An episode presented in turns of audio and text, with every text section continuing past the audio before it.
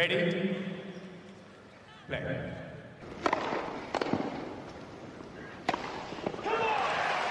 Merhabalar, Raket Servisi hoş geldiniz. Ben Gökalp. Ben Anıl, merhaba. Evet, iki haftadır kaydetmiyoruz. Böyle aylar yıllar geçmiş gibi geldi. Anıl nasıl hissediyorsun? Gökalp e, biraz benim sefa sürmemle kaynaklı olduğu için e, affımı diliyorum herkesten. Tatildeydim. Hani göz ucuyla maçları takip etmek e, anca mümkün oldu.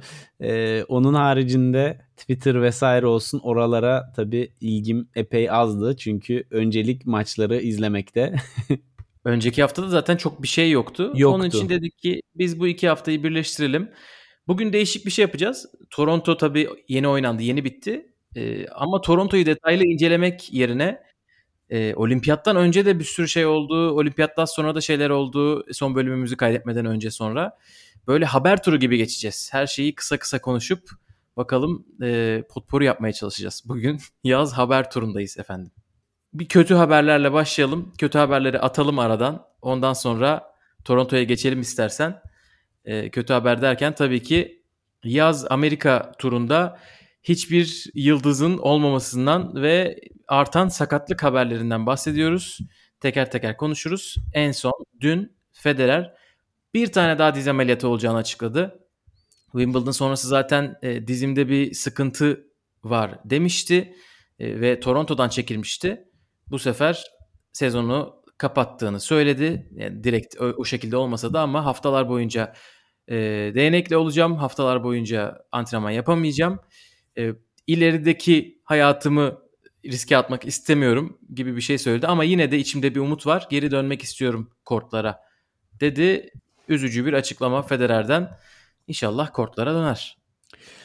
Evet yani izlemesi belki de e, en çok keyif veren oyuncuların en başında geliyor. Dolayısıyla e, tenise kattıklarıyla hatta bana sorarsan ben izlemekten en çok keyif aldığım oyuncu Federer. E, tabii ki prime döneminden e, bahsedebiliriz burada.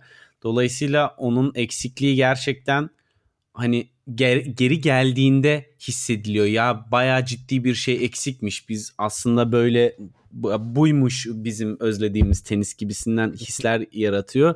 Dolayısıyla şu anda e, tabii ki bu benim ve eminim ki birçok tenis sever için son derece üzücü bir haber oldu. Çünkü yani cümlelerinde senin de dediğin gibi o kadar ince detaylarla ipuçları verdi ki tam bir İsviçreli. Ee, yani geri kortlara geri dönüş için ufak da olsa bir umudum olması için bu ameliyatın da e, şartı var demek. Kortlara geri dönmeme olasılığının geri dönme olasılığından daha yüksek olduğunu bana en azından e, düşündürdü ve bu da gerçekten hani böyle bir şekilde Federer efsanesinin kariyerini sonlandırması son derece e, güzel o yani istenen kapanış olmaz ve bundan dolayı da e, ne olacağını önümüzdeki sene çok merak ediyorum. Yine tahminimce Wimbledon'a e, odaklı Wimbledon'a odaklanarak hareket edecektir ama ne kadar e, zor şartlarda esasında hem Wimbledon hem Roland Garros'ta mücadele ettiğini de bize gösteriyor bu. E, yani evet. burada Hakkı Roland Garros'ta yenilmeden çekilen ve e, Wimbledon'da çeyrek finale kadar çıkıp e, 40 yaşın üzerinde bunu başarabilen ilk isim yanlış bilmiyorsam olabilmek çok başka bir seviye ve bunu sakat sakat yapması e, umarım ben Federer hatırlıyorsan gençliğinde ne kadar az sakatlanmasıyla e, insanların hani ya zaten hiç doğru düzgün antrenman yapmıyor, vücudunu yormuyor, o yüzden sakatlanmıyor gibisinden çok gençliğinde konuşulurdu. Kariyerinin bu şekilde bitmesi gerçekten çok ironik ve çok üzücü olur. Ama e, bu haftaki sakatlıklar turunun tek ismi de o değil. Dolayısıyla evet, bu arada yani benim de söyleyeceğim Federer'le alakalı hani tabii yaş kemallerde onun için bunları bekliyorduk hani bu kadar sakatlıkların önünü kesmesini. Ama sonu herhalde biraz daha güzel olmalı. Bir sürü oyuncu var. İşte e, Agassi'yi ben çok hatırlıyorum. Böyle kapanışı büyük yapmıştı. Hani kazandığı maçlar olarak değil de yani çok duygusal bitirmişti. Efsane bir ikinci tur maçı kazanmıştı Amerika açıkta. E, Bagdatis diye isim geliyor ama tam emin değilim Bagdatis olması lazım. Sonra üçüncü turda biz onun o son maçı olduğunu biliyorduk. Hani en azından onu bilmek e, iyi olacak. Bir de Federer'in son oynadığı profesyonel set Wimbledon'da kaybettiği 6-0 olmasın lütfen. Kesinlikle. Öyle de bitmemesi için. Umarız Federer geri döner. Ben geri döneceğini düşünüyorum. En azından Laver Cup için dönecektir. Ee, bakalım başka Wimbledon'da oynayabilecek mi? Ama dediğin gibi tek isim de Federer değil. Nadal da e, zaten Toronto'dan çekilmişti. Aslında Nadal Amerika'da dop dolu bir takvim açıkladı. Evet. Çim'i geçtikten sonra e, bayağı biz umutlu olmuştuk. Nadal'ın Amerika açık serüveni için. Hani forma tekrar kavuşabilir diye Fransa açık yarı finalinden sonra. Ee, ilk önce Washington'a gitti. İlk defa katıldığı. Ee, çok keyif yerindeydi. Ee, güneş şapkası üstüne taktığı kasklarla Washington'ın Ona yorum turist, yapmayacağım. mekanlarının önünde fotoğraflar çekildi. Ee, Jack Sock'la çok uzun bir maç oynayıp onu kazandı. Sonra Lloyd Harris'e kaybetti. Ayağında zaten bir sıkıntı olduğunu o turnuvada söylemişti daha. Toronto'dan son dakika çekildi. Cincinnati'den de çekildikten sonra bir de İspanya'ya geri döndüğünü, e, doktoruyla görüştüğünün haberini aldık. Hatta şu anda öyle bir durumda ki sezonu kapatılacağı bile kapatacağı bile söyleniyor. E, bu tabii biraz Federer kadar olmasa da pardon evet evet Federer kadar olmasa da şaşırttı bu da. Biraz çok etkisi yarattı. E, ya Gökalp hakikaten hani burada şunu e, bence belirtmek gerekiyor. Hem Federer'in Wimbledon'daki son maçı hem de Nadal'ın Roland Garros'ta Djokovic'e karşı oynadığı maçta e, biz oyuncuları ya işte şöyle basit hata yapıyor, şunları nasıl kaçırdı veya şurada şunu yapamadı vesairesinden e, dışarıdan gözlemleyerek yorumlar yapıyoruz ama oyuncuların o anda hangi fiziksel zorluklarla ve hangi acı seviyesiyle o maçlarda kortta olduğunu asla idrak edemiyoruz. Tenisin esasında görülmeyen en zor tarafı bu. Çünkü hepsi acı çekerek oynuyorlar. Hatta Boris Becker'in e, bir lafı vardır. Hani eğer ki acı çekmiyorsanız e, seviyeniz iyi değildir. Çünkü acı çekmeden e, bu spora devam etmeyi herkes yapabilir. O seviyenin üzerine çıkabilmek zaten farkı yaratandır ve o acılarla oynamak. E, ve burada belki de esas sınır e, o ne kadar acı eşiğinde işi durdurma noktasına e, gelinmesi gerektiği uzun vadede ve hani Nadal'da da ilk sette belki çok inanılmaz dominasyon seviyesi yüksek başlayıp ondan sonra gerçekten çaresiz görülmesi Djokovic'e karşı biz hani çok farklı yorumluyoruz tabii ki o an içerisinde ama hani orada da mesela ve sonrasında da e, Nadal'ın e, esasında fiziksel olarak müca- ettiği mücadeleler farklı içeride ve biz onları gözlemleyemiyoruz. Ama zaten Jack Sock gibi bir isme karşı Nadal'ın 3 seti zor bir şekilde kazanması da e, esasında onun fiziksel olarak da hazır olmadığını gösteriyor. Çünkü bunlar artık teknik taktik olarak o kadar çok oturmuş isimler ki eğer ki fiziksel durumu müsaade ediyorsa onların hepsini zaten çok rahat yene, yenecekleri isimler. Ee, ve bu hani televizyon başında veya kort kenarında bile tam olarak gözlemlenemeyecek e, nüanslar ve esasında oyundaki bütün farklılığı yaratan da bu nüanslar. E, dolayısıyla e, Nadal'ın da bir anlamda sürpriz gibi görünen bize ama belki de ekibi içerisinde uzun süredir takip edilen bir durum olduğunu düşünüyorum ben. Hani teniste galibiyeti getiren şey nasıl ki bir e, oyuncunun zayıf noktasını bulup oraya yüklenerek oradan hareket etmek üzerine kurulu taktiklerin oluşturduğu bir e, spor ise ters taraftan zayıf yönlerini de oyuncular saklamak için ellerinden gelen her şeyi yapıyorlar. Özellikle de fiziksel söz konular söz konusu olunca inanılmaz ketumlar e, ve dışarıya asla bu konuda bilgi vermiyorlar. Hani Nadal'da da bence durum böyle. Hani ben orada e, Tony amcanın hani Nadal fiziksel olarak iyi durumda değildi diye açıklamasının bile esasında e, çok çok e, olaylar artık e, iş bittikten sonra yapılan bir evet Nadal sakat açıklaması gibi değerlendiriyorum bu noktada. Benim beni şaşırtan açıkçası Nadal'ın hani çok dolu bir takvim açıkladıktan sonra bunları yaşaması. Yoksa bir Cincinnati'ye katılıp Amerika deseydi gerçekten hani orada da şaşırmazdım. Mesela Serena Williams bir isim daha. Wimbledon'daki o sakatlığından sonra hiçbir turnuvaya katılmadı. Onun için hani orada pek şaşırmıyorum. Serena mesela olur da Amerika'dan çekilirse. Çünkü en son işte Wimbledon'da gördük Serena'nın ya da Fransa'da bu kadar az hazırlıkla gittiği turnuvalarda e, nasıl zorlandığını. Bu herhalde o kadar şaşırtıcı olmaz ama bir isim de oydu. E, bu yaz sezonunda olmayacağını açıklayan. E, onun için biraz sessiz sedasız geçiyor eskiye göre bu turnuvalar. Tabii bunların üstüne bir de sakatlıktan dolayı değil ama hani e, neredeyse tükenmişlik yaşamış olan Djokovic de e, Amerika'ya gelmeyeceğini açıkladı Amerika açığa kadar. Toronto'dan ve Cincinnati'den çekildi. Ama onda durumlar çok daha iyi gözüküyor tabii ki. Tipsarevich'in akademisinde çalışıyormuş. Hatta böyle teknelerle gezmişler. Keyifleri yerinde gözüküyor. Onda bildiğim kadarıyla bir sakatlık, bir fiziksel sıkıntı yok. Keyifleri hepsinin yerinde zaten. Hani Nadal da sakat dönemlerindeki paylaştığı fotoğraflarda e, görüyoruz. Federer keza geçen gün Bazel'in maçını izlemeye gitmiş. Yani esasında onların e, buradaki e, sakatlıklardan etkilenme oranlarıyla seyircilerin ve taraftarların üzüntüsü biraz farklı boyutlarda gibi geliyor artık. Yani biz daha mı çok üzülüyoruz onları görememekten bilemiyorum. Evet. Ama evet, hala bu yaşlarda bu motivasyonu bulup hani bu sakatlıklarla mücadele edecek disipline sahip olmaları onların üçünü de çok çok özel kılıyor gerçekten. Evet Amerika açıktan çekilen iki isim daha var. Artık zaten teker teker bütün turnuvalardan çekilen Stan Wawrinka Amerika açıktan da çekildi. Bir de bugün düşen haber Borna Çoric de sakatlığından henüz geri dönememiş ki geçen sene Çoric hatırlarsanız e, dillere destan maçlar oynamıştı. Her seferinde kafayı yiyorduk. Çeyrek finale yükselmişti. Bir Çoric Zverev desem herhalde hatırlarsınız. Belki acı çektiğinizi. Çok ilginç bir maçtı. E, ama Çoric de ne yazık ki Amerika açığa yetişemiyormuş. E, bu çok ilginç bir sezon olmaya devam ediyor. Djokovic 3 Grand Slam birden kazandı. Henüz Masters şampiyonluğu yok. Bu yazdaki Masters'ları da es geçti.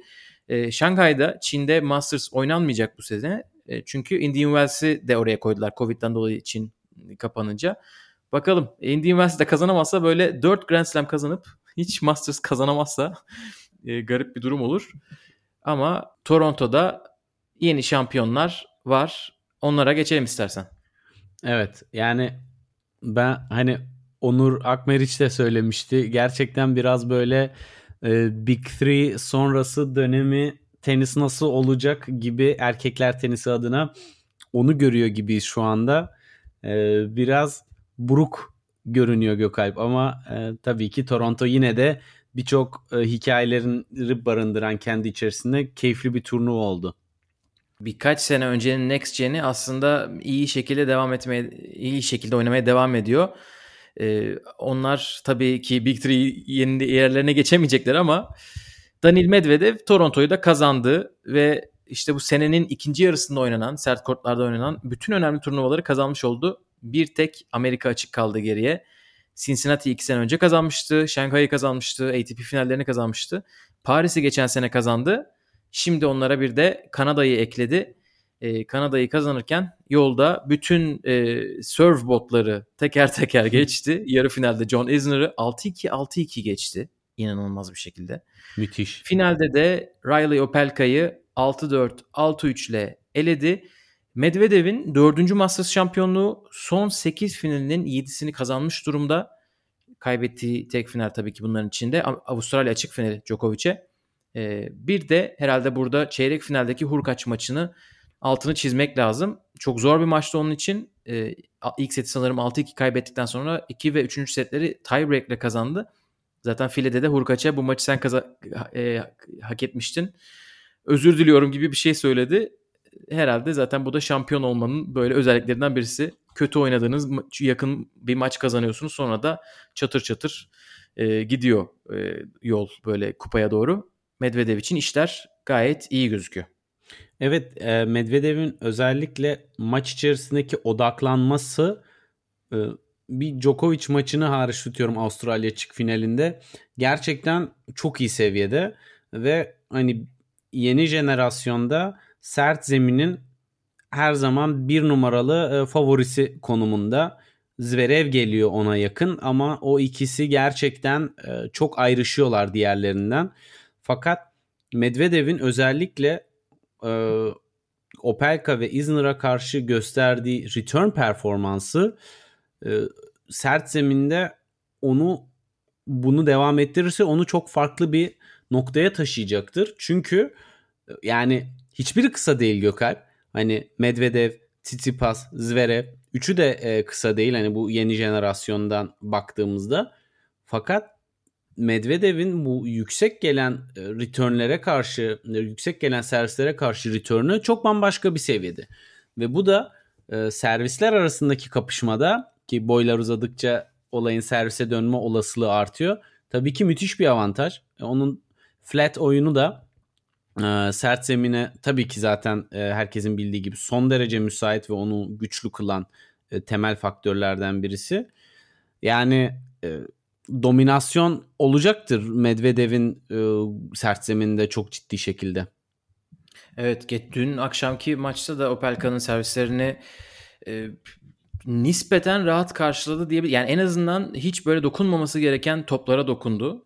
Çok arkada bekliyor. Uzun oyunculara karşı özellikle birinci servislerinde çok denememeniz gereken bir duruş şekli. Hani böyle gördüğümüz işte Federer mesela e, bu uzun oyunculara karşı iyi performansıyla, iyi return performansıyla bilinir ve o kadar geride durmaz çünkü genellikle chip return'e başvurur.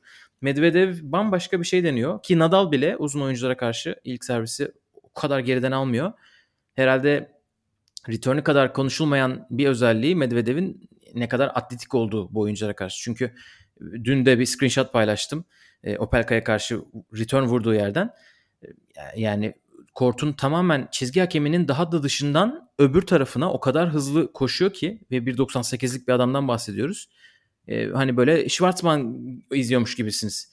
Onu yapabilmesi e, çok yani büyük bir başarı. Zverev mesela bunu yapıyor bence ama Medvedev kadar iyi yapamıyor. E, Tsitsipas'ta işler tabii çok değişik. Tsitsipas e, return sıkıntısı devam etti hani sert kortlarda. Opelka'ya yarı finalde yakın bir maç kaybetti. E, Medvedev kadar tabii iyi return vurmuyor hala sert kortlarda özellikle uzun oyunculara karşı. Opelka da bunu söylemiş zaten. Hani Medvedev daha iyi e, Sisipas'a göre diye. E, o da bunu yani onun bir sonraki aşaması herhalde Sisipas'ın bu olacak. Çünkü pandemiden sonra 6 finale çıkmış. Bunların 5'i toprakta. Bu sene tabii efsane bir toprak sezon oynadı. E, onun herhalde geliştireceği yer bu olacak. Medvedev'in de markalaşacağı yer belki e, bu kadar arkalarda bekleyip e, sayıdan o kadar çabuk kopmamak olacak herhalde. Öyle gözüküyor. Bir de bu sene e, İzmir'i burada yarı finalde yendi ama Çim'de kazandığı turnuvada e, finalde Sam Querrey yendi mesela Medvedev. E, hani bu bir e, trend haline de geliyor gibi. Eski eski surfbotlardan. Aynen aynen. Birkaç sene önce surfboard takımına girer. Opelka onu saymamış ama Raonic yerine o sayılabilirdi. Opelka bir surfboard takımı yapmış. Isner, Karlovic, e, Raonic ve Anderson var kendisinin dışında. E, Ki Anderson da aslında eski jenerasyon. Hayır yani o şey diye belirlemiş özelliklerini. Oyunu güzel gözükmesin, sıkıcı olsun. Evet. ve e, tamamen hani e, servisle şey yapsın. E, Kyrgios hatta bundan dolayı almamış takımı. E, gerçekten. Evet. Ama ya Opelka'nın o yorumunda bence biraz mütevazılığı var. Çünkü e, Isner zaten kariyerinin çok ilerleyen yaşlarında şu an 34 yaşında veya 33 yaşında yanlış bilmiyorsam anca e, rally oyununu oyununa ekleyebildi. Fakat Opelka ve Hurkaç özellikle e, yeni jenerasyonda servislerinin yetmeyeceğini anlayıp çok erken yaştan e, diğer yönlerini de geliştirmeye başladılar ve Opelka'yı izlemesi bence kesinlikle zevksiz değil. Yani ben bunu iki senedir e, iki sene önce de desen iki sene önce de Opelka'nın maçını izlemek keyifsiz diyemem. O biraz orada mütevazılık yapmış esasında. Evet. Evet bir de Medvedev'in return performansı çok fazla övüldü ama bence Opelka çok böyle iyi servis atmadı dün. Tsitsipas maçındaki gibi servis atsaydı bence o kadar 6-4 6-3 bitmezdi maç. Yani özellikle karıştırma anlamında. e, biraz kafasının dağıldığı anlar olduğu gibi hissettim. İlk Masters Öz- finali tabii ki. Bu Özellikle- sonra. Hah, pardon. E, Devam. Roma'da yarı final, burada final. Hani yeni yeni yerlere gidiyor. Kafası biraz dağılmış olabilir. Evet yani özellikle son oyunda onu çok net görebiliyorsun. Hani 40-30 öndeyken kendi servisini kırdırıp maçı kaybediyorsan orada e, işin fiziksel, teknik, taktik taraflarından ziyade mental tarafında bir tıkanma olmuş. Evet. Bu arada bu turnuvada oynadığı güzel maçları da es geçmemek lazım. İlk turda hiç böyle korttan ayrılacağı benzemeyen bir Nick Kyrgios'u yendi. Sonra Grigor Dimitrov, sonra Lloyd Harris, sonra Rob- Roberto Bautista'yı geçti, sonra Tsitsipas. Süper 5 galibiyet. Şu anda Amerikalı bir numaralı tenisçi erkekler tarafında Riley Opelka. Ve Amerikalılarda bir dip dalga var Gökalp genel olarak. İlk Evet, yüzde hiç ilk yüzde- beklemediğimiz isimler süper işler başarıyorlar. 16 isim var sanırım şu anda Amerikalı. Hani bir sene önce bunlar yoktu. Ve son e, böyle 1-2 ayda bir tweet okudum. 15 değişik Amerikalı çeyrek finale yükselmiş. Evet. Hani bunlar Mackenzie McDonald, Korda zaten her zaman takip ediyoruz. J.J. Wolf değişik işler yapıyor. Opelka, Taylor Fritz, Jack Sock bile geri dönüyor neredeyse. Isner da oralarda bir yerlerde. Sam Curry keza öyle. TFO. Yani saydıkça sayabiliyorsun. Ee, fakat top 10 seviyesini e, hak eden şu anda henüz Amerikalı ben göremiyorum. Aralarından kim sıyrılacak Onu- merak ediyorum. Onu bir Toronto'yu bitirdikten sonra konuşalım. Andy Murray'nin bu konu hakkında bazı fikirleri var. Tamam. An seviyesinden kim hangi Amerikalı yükselecek? Ee, evet Toronto'da bunların dışında neler oldu diye bakıyorum. İstiyorsan bir de Kanada'nın öbür tarafına geçelim. Melbourne'e geçelim. Kadınlar tabii başka bir şehirde oynanıyor. Evet. Kanada her sene değiştiriyor. Ee, bir, bir Melbourne'de bir Toronto'da oynatıyorlar turnuvalarını. Camila Giorgi e, şampiyon oldu. Ve İtalya'nın master seviyesinde şampiyon olan ikinci kadın tenisçisi oldu. Müthiş. Ee, ilki Flavia Pennetta'ydı. Indian Wells'de 2014'te olmuştu. Bilin bakalım Pennetta ne yaptı? Ondan sonraki sene Amerika açığı kazandı. Yani bu olacak demiyorum ama hani böyle bir trend var İtalya için. Camila Giorgi, Mertens, Podoroska, Kvitova, Kokogov, Jessica Pegula gibi isimlerden sonra Pliškova'yı geçip e, şampiyon oldu Melbourne'de.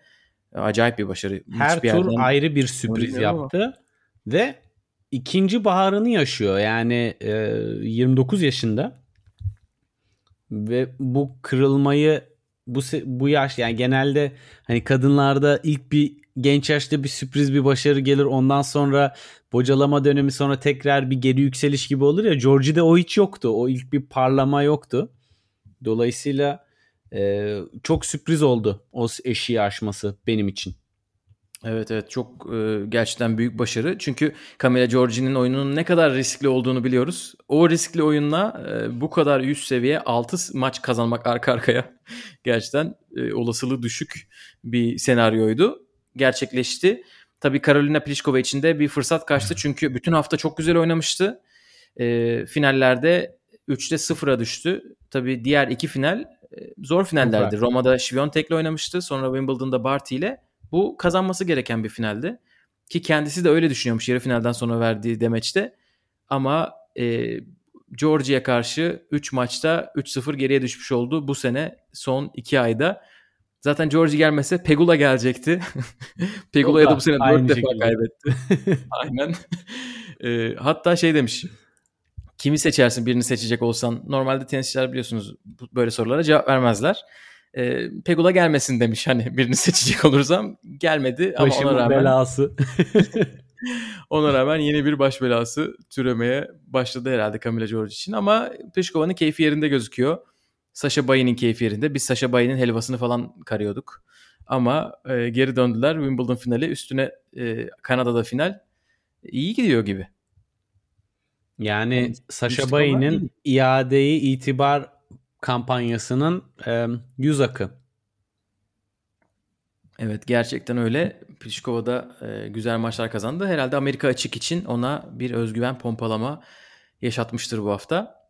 E, Kanada'da başka şeyler de oldu. Halep geri döndü. Simona Halep ilk maçını oynadığı e, toprak sezonundaki sakatlığından sonra Daniel Collins'e karşı iyi oynadı ama 3 saatlik bir maç kaybetti. oldukça iyi savaştı. Hani o savaşı görmek ilk maçında iyi işaret Simon Halep için. Kendisi de memnun göründü. E, maçtan sonra yaptığı açıklamalarda e, vesaire oyunundan ve fiziksel durumdan memnun olduğunu söyledi.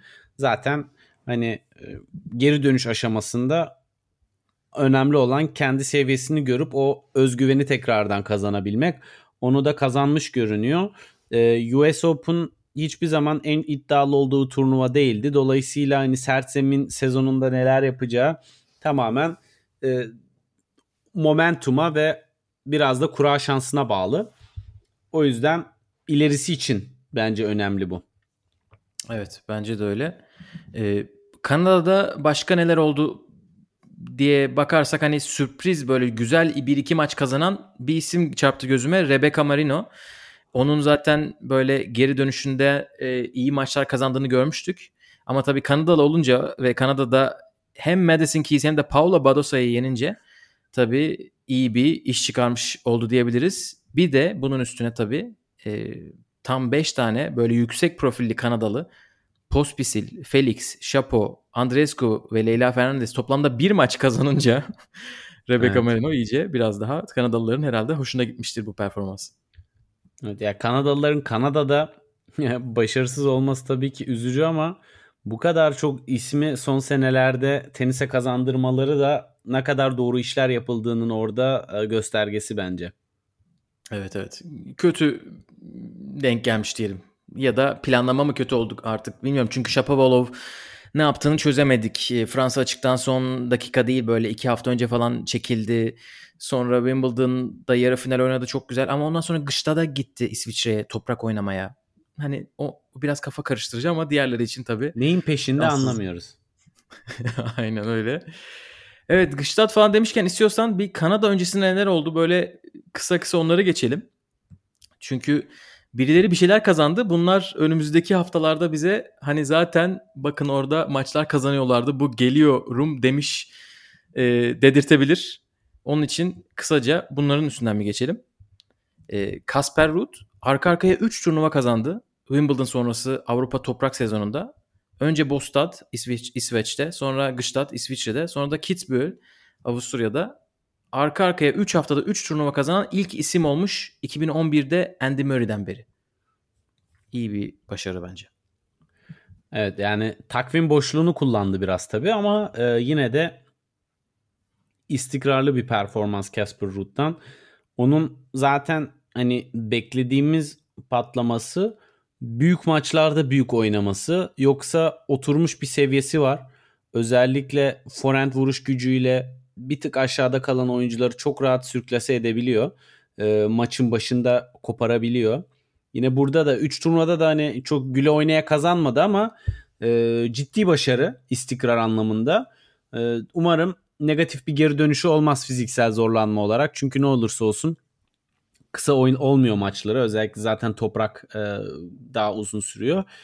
Fakat yani Casper Ruud artık toprakta önümüzdeki seneden itibaren e, yarı final adayları arasında e, Masters turnuvalarında da girdi. Evet zaten senin bu söylediğine katılan bir isim daha var. Hani takvimdeki boşluktan yararlandığını söyleyen o da Nick Kyrgios. Kesinlikle ya. Evet işte bir gün Nick Kyrgios'la aynı düşüncede olacaksın deseler güler geçerdim ama işte hayat. en azından bu olsun be Anıl. Başka bir şeyler olmasın. Değil mi? Değil mi? yani şu anda neden toprak turnuvası oynanıyor? Böyle şeyler kazanmak böyle hani Kyrgios falan böyle bir şey yapmış. Yine bir kendince çıldırmış. E, onun üstüne e, Nick Kyrgios bir e, Ask Me Anything gibi bir şey yaptı. Bir soru cevap yaptı. Müthiş. E, taraftarlarıyla. Kasper Ruud da ATP'nin düzenlediği galiba bu soru cevaba. En sevdiği toprak turnuvası hangisi gibi bir cevap vermiş. Soru sormuş pardon. Kyrgios'un e, talihsiz bir tweet'i var. E, daha sonradan sildiği. Neyse artık o konulara girmeyelim. Ama e, sonra ciddi ciddi cevaplamış. Madrid'i falan söylemiş. Böyle bir arkadaş bu da. Ama Kasper Ruud oradan güzel puan kazandı bu arada. 750 puan birden kazandı tabii, tabii ki. 3 turnuva. 250'lik. Ee, hiç e, fena değil. Cepledi 12 maç 750 puan. E, onun dışında 250'lik bir turnuva kazanan yine toprakta başka bir Bu isim. çok Carlos kısa Alcaraz. oraya bir şey eklemek istiyorum Gökhan. Çok pardon. Ee, yani bu taktiksel olarak çok doğru bir yaklaşım. Sonuçta turnuvanın takvim e, kurasının kolay olması, takvimdeki yeri vesaire bir yana e, önümüzdeki sezonda yüksek sıralamalarda turnuvalara daha iyi seri başı olarak katılıp avantajlı kurallar elde etmek için işte bu tarz e, şeyler eğer ki bir zeminde kendinize çok güveniyorsanız bu çok önemli. Ee, Sebikor da aynı şekilde zemin değil ama takvim olarak stratejik bir şey yapmış ve Avustralya açığa gidip oradaki karantinalarla elemelerle uğraşmak yerine kimse yokken öbür taraftan turnuvalarda e, finaller, kupalar e, toplamaya başladı ve hemen bir ayda ilk yüze girdi ve şu anda Sebikor'da e, birçok turnuvada çok rahatlıkla seri başı olarak katılabiliyor. İşte bunlar uzun vadeli kariyer planlamaları için özellikle ilk sıçramayı yapmak istediğiniz noktada çok kritik oluyor. E bir de bunu yapabilmek de var tabii. Hani Tabii 12 maç ki. Arka Tabii arkaya ki. kazanmak kolay değil. Bir de üstüne gitti. E, Cincinnati- pardon e, Toronto'da Marin Cilic'i yendi. Sonra ikinci maçını aldıktan sonra Dušan Lajović'e karşı kameraya hard courts gülümseyen surat diye notunu bıraktı. Ama doğru yerde bırakmış çünkü bir sonraki tur öyle bir fırsatı olmayacaktı. Evet Tsitsipas orada onu bitirdi. E, 14 maçlık serisini de bitirdi. Evet, diğer kupa kazanan isimlerden birisi de Carlos Alcaraz. İlk ATP kupasını kazandı. Challenger kupalarını konuşuyorduk. O da e, bu nispeten boş bir alanda e, iyi bir başarı elde etti. Kupa kupadır yani ATP kupası kazanmak. Gelin bir de nasıl kazanıldığını Felix'e sormayın. Hani zordur yani. Alcaraz da UMA kazanarak sanırım yine bir en genç rekoru kırmış. E, Nadal'dan beri mi e, ATP kupası kazanan en genç isim olabilir. Emin değilim. Bunu bir kontrol etmek lazım. Benim de aklımda öyle ama sen emin değilsen ben de emin olmayayım diyorum. Biraz Amerika'ya geçelim. Toprak turnuvalarını geride bırakıp Washington'da 500'lük bir turnuva oynandı ve Yannick Sinner kazandı bu turnuvayı. Finalde Mackenzie McDonald'ı geçti. E, gayet iyi tur maçlar oynayarak yarı finalde de güzel bir maç oynayıp e, Jensen Brooksby'yi geçti Yannick Sinner. E, Washington'ı kazanması onun için gayet iyi. Çünkü bundan önce hiç 500 turnuvası yoktu. E, sanırım 3. kupası oldu. Yani Sinner'in onun için iyi işaret. Yalnız her kupa kazandığında ertesi maçı e, kaybediyor. Kaybediyor. Bu bir tabii buna bir bakılması gerekiyor. Kanada'da ilk turda e, oynadığı ilk maçta Duckworth'a kaybetti. Ki yani kağıt üzerinde alması gereken bir maç ama tabii ki bu da e, turnuvaların biraz da talihsizliği. Benzer bir şeyi hani Tsitsipas da yaşadı. e, Roland Garros kazanıp ondan sonrasında ilk turda şey kazanıp diyorum final oynayıp hani e, ondan sonra ilk turda elenmesi gibi. Ondan sonraki turnuvasında e, seyahat vesaire konsantrasyon, odaklanma bunlar tabii çok etkileniyor uzun bir haftadan sonra. Ama çok da umurunda olduğunu düşünmüyorum. Tabii tabii aynen öyle.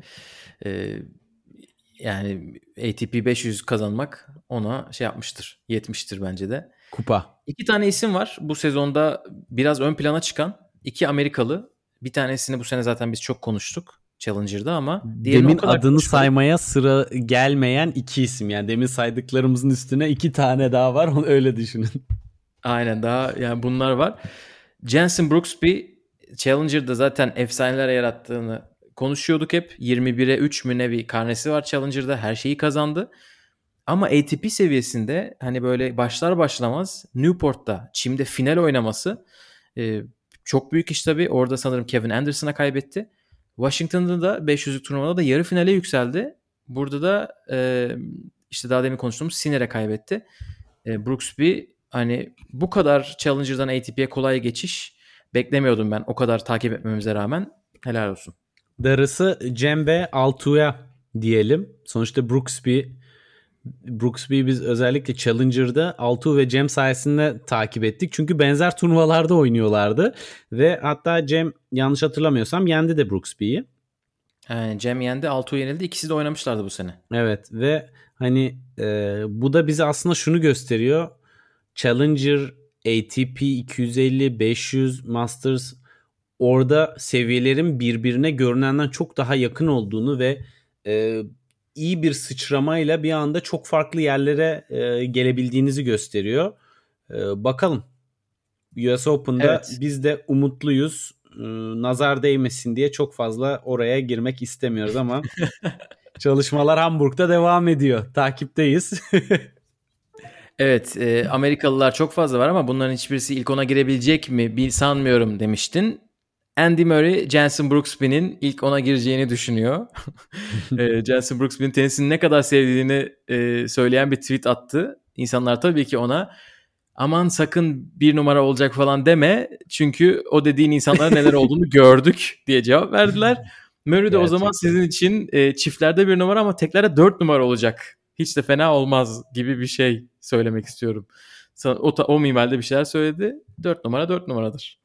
Brooksby'nin de çok hoşuna gitmiş bu arada. Çünkü Brooksby sanırım Murray'i bayağı e, örnek alıyor. Yani Murray'den övgü alıp da mutlu olmayacak ben tenisçi e, pek olacağını tahmin etmiyorum açıkçası. Lucas Rosol diye isim geldi ama.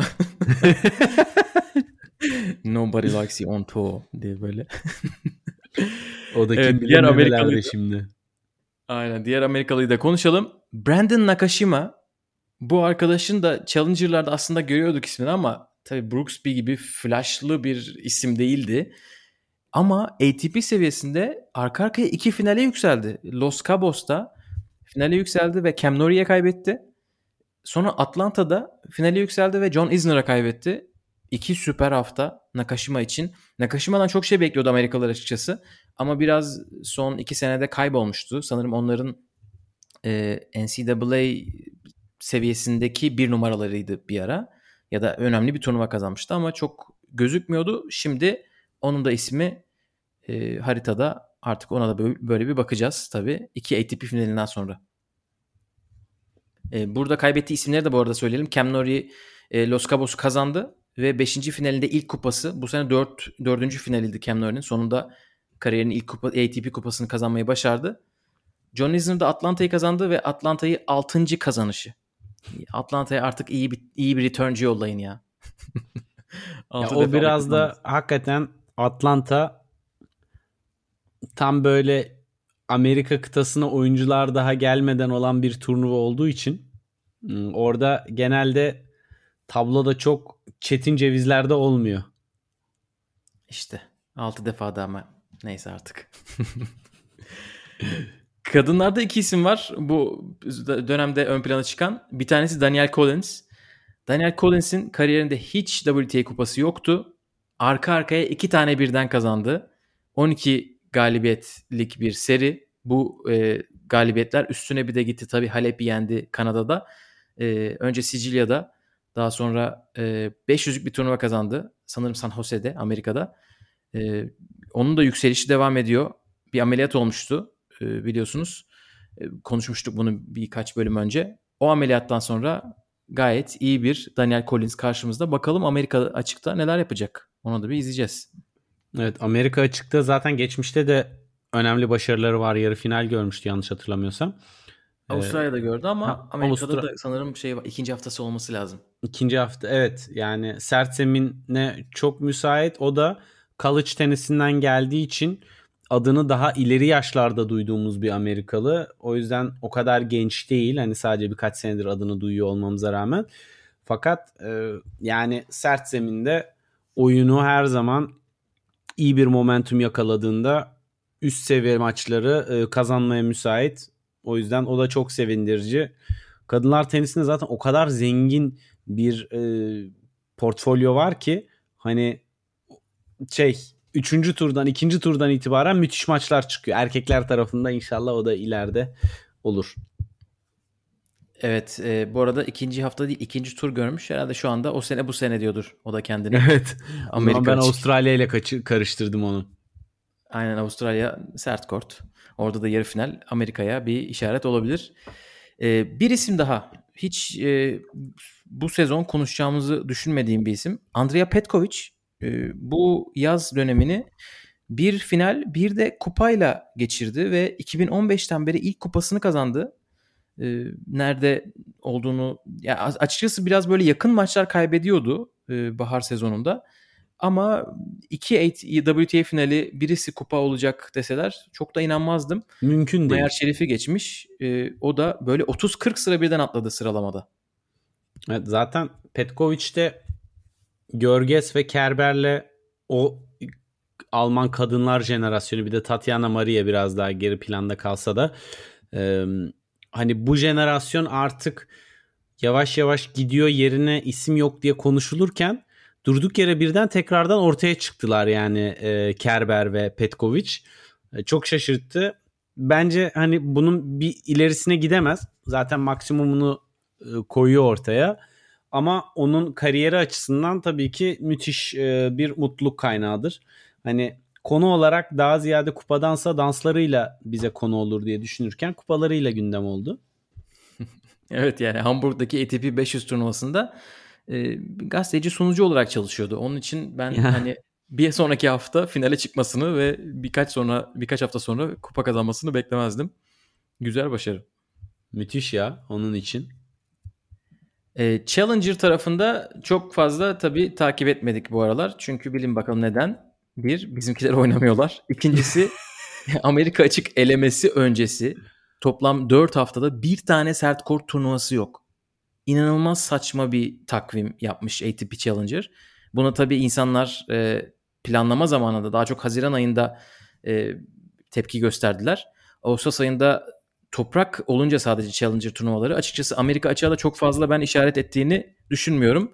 Kazananları böyle işte Etcheverry falan gibi isimler daha böyle toprakçı isimler. Ama bir ismi anmak gerekirse Holger Rune 18 yaşında ikinci Challenger şampiyonluğunu San Marino'da kazandı. Daha 1-2 ay önce Biella'da ilkini kazandıktan sonra ama diğerleri bilmiyorum Amerika'da bir şey yaparlar mı? Ee, bu hafta Cincinnati oynanıyor. İstiyorsan bir Cincinnati'yi çok kısaca konuşup yavaşça kapatalım. Ee, Cincinnati Amerika açık elemelerinden önceki son turnuva. Haftaya Amerika açık elemeleri oynanacak. Cincinnati'de geri dönen önemli isimler var. Özellikle kadınlar tarafında Barty ile Osaka geri dönüyor. Erkeklerde de e, Berrettini Kanada'dan çekilmişti. E, bir de olimpiyat şampiyonu Zverev Kanada'ya katılmamıştı. O ikisi Cincinnati'de olacaklar. Evet Zverev zafer turunu tamamladığına göre umarım tekrardan korta odaklanabilir. Almanya'yı baya karış karış gezdi. Karşılamalardan Hamburg'a gitmeleri falan filan. Ee, onun belki de seviye olarak en büyük e, zaten finalde gördü geçen sene. Ee, şampiyon olma umudunu taşıyordur Zverev diye düşünüyorum burada. Özellikle e, Djokovic'in de çok da sağlam olmaması, Nadal'ın e, geri plana düşmesi, geçen sene finalde kaybettiği team'in olmaması onda çok ciddi hesapları e, direkt kafasında canlandırıyordur. Bir de Djokovic'i Tokyo'da yenmesi dediğin gibi bence ona bu umudu iyice vermiştir. O 3 setlik bir maçta ama yine de bir özgüven yaratıyordur gibi hissediyorum. Zverev'in ihtiyacı olduğundan değil de. evet e, bakalım Cincinnati'de neler olacak. Bir sonraki bölümde herhalde Cincinnati konuşuruz detaylı. E, neler oldu neler bitti. Yavaş yavaş Amerika açığa doğru yükseliyoruz artık. Evet yükseliyoruz. Aynen elemeleri kaçırmayız. Çünkü elemelerde yine 4 oyuncumuz birden olacak. Bir sonraki hafta çekilmiş olursa onların kurallarını da konuşuruz diyelim. Ve istiyorsan burada kapatalım. Evet bu haftalık bizden bu kadar. Amerika açık öncesi ee, siz de enerjinizi toplayın. Uykusuz geceler bizi bekliyor. Görüşmek üzere. Hoşçakalın. Hoşçakalın.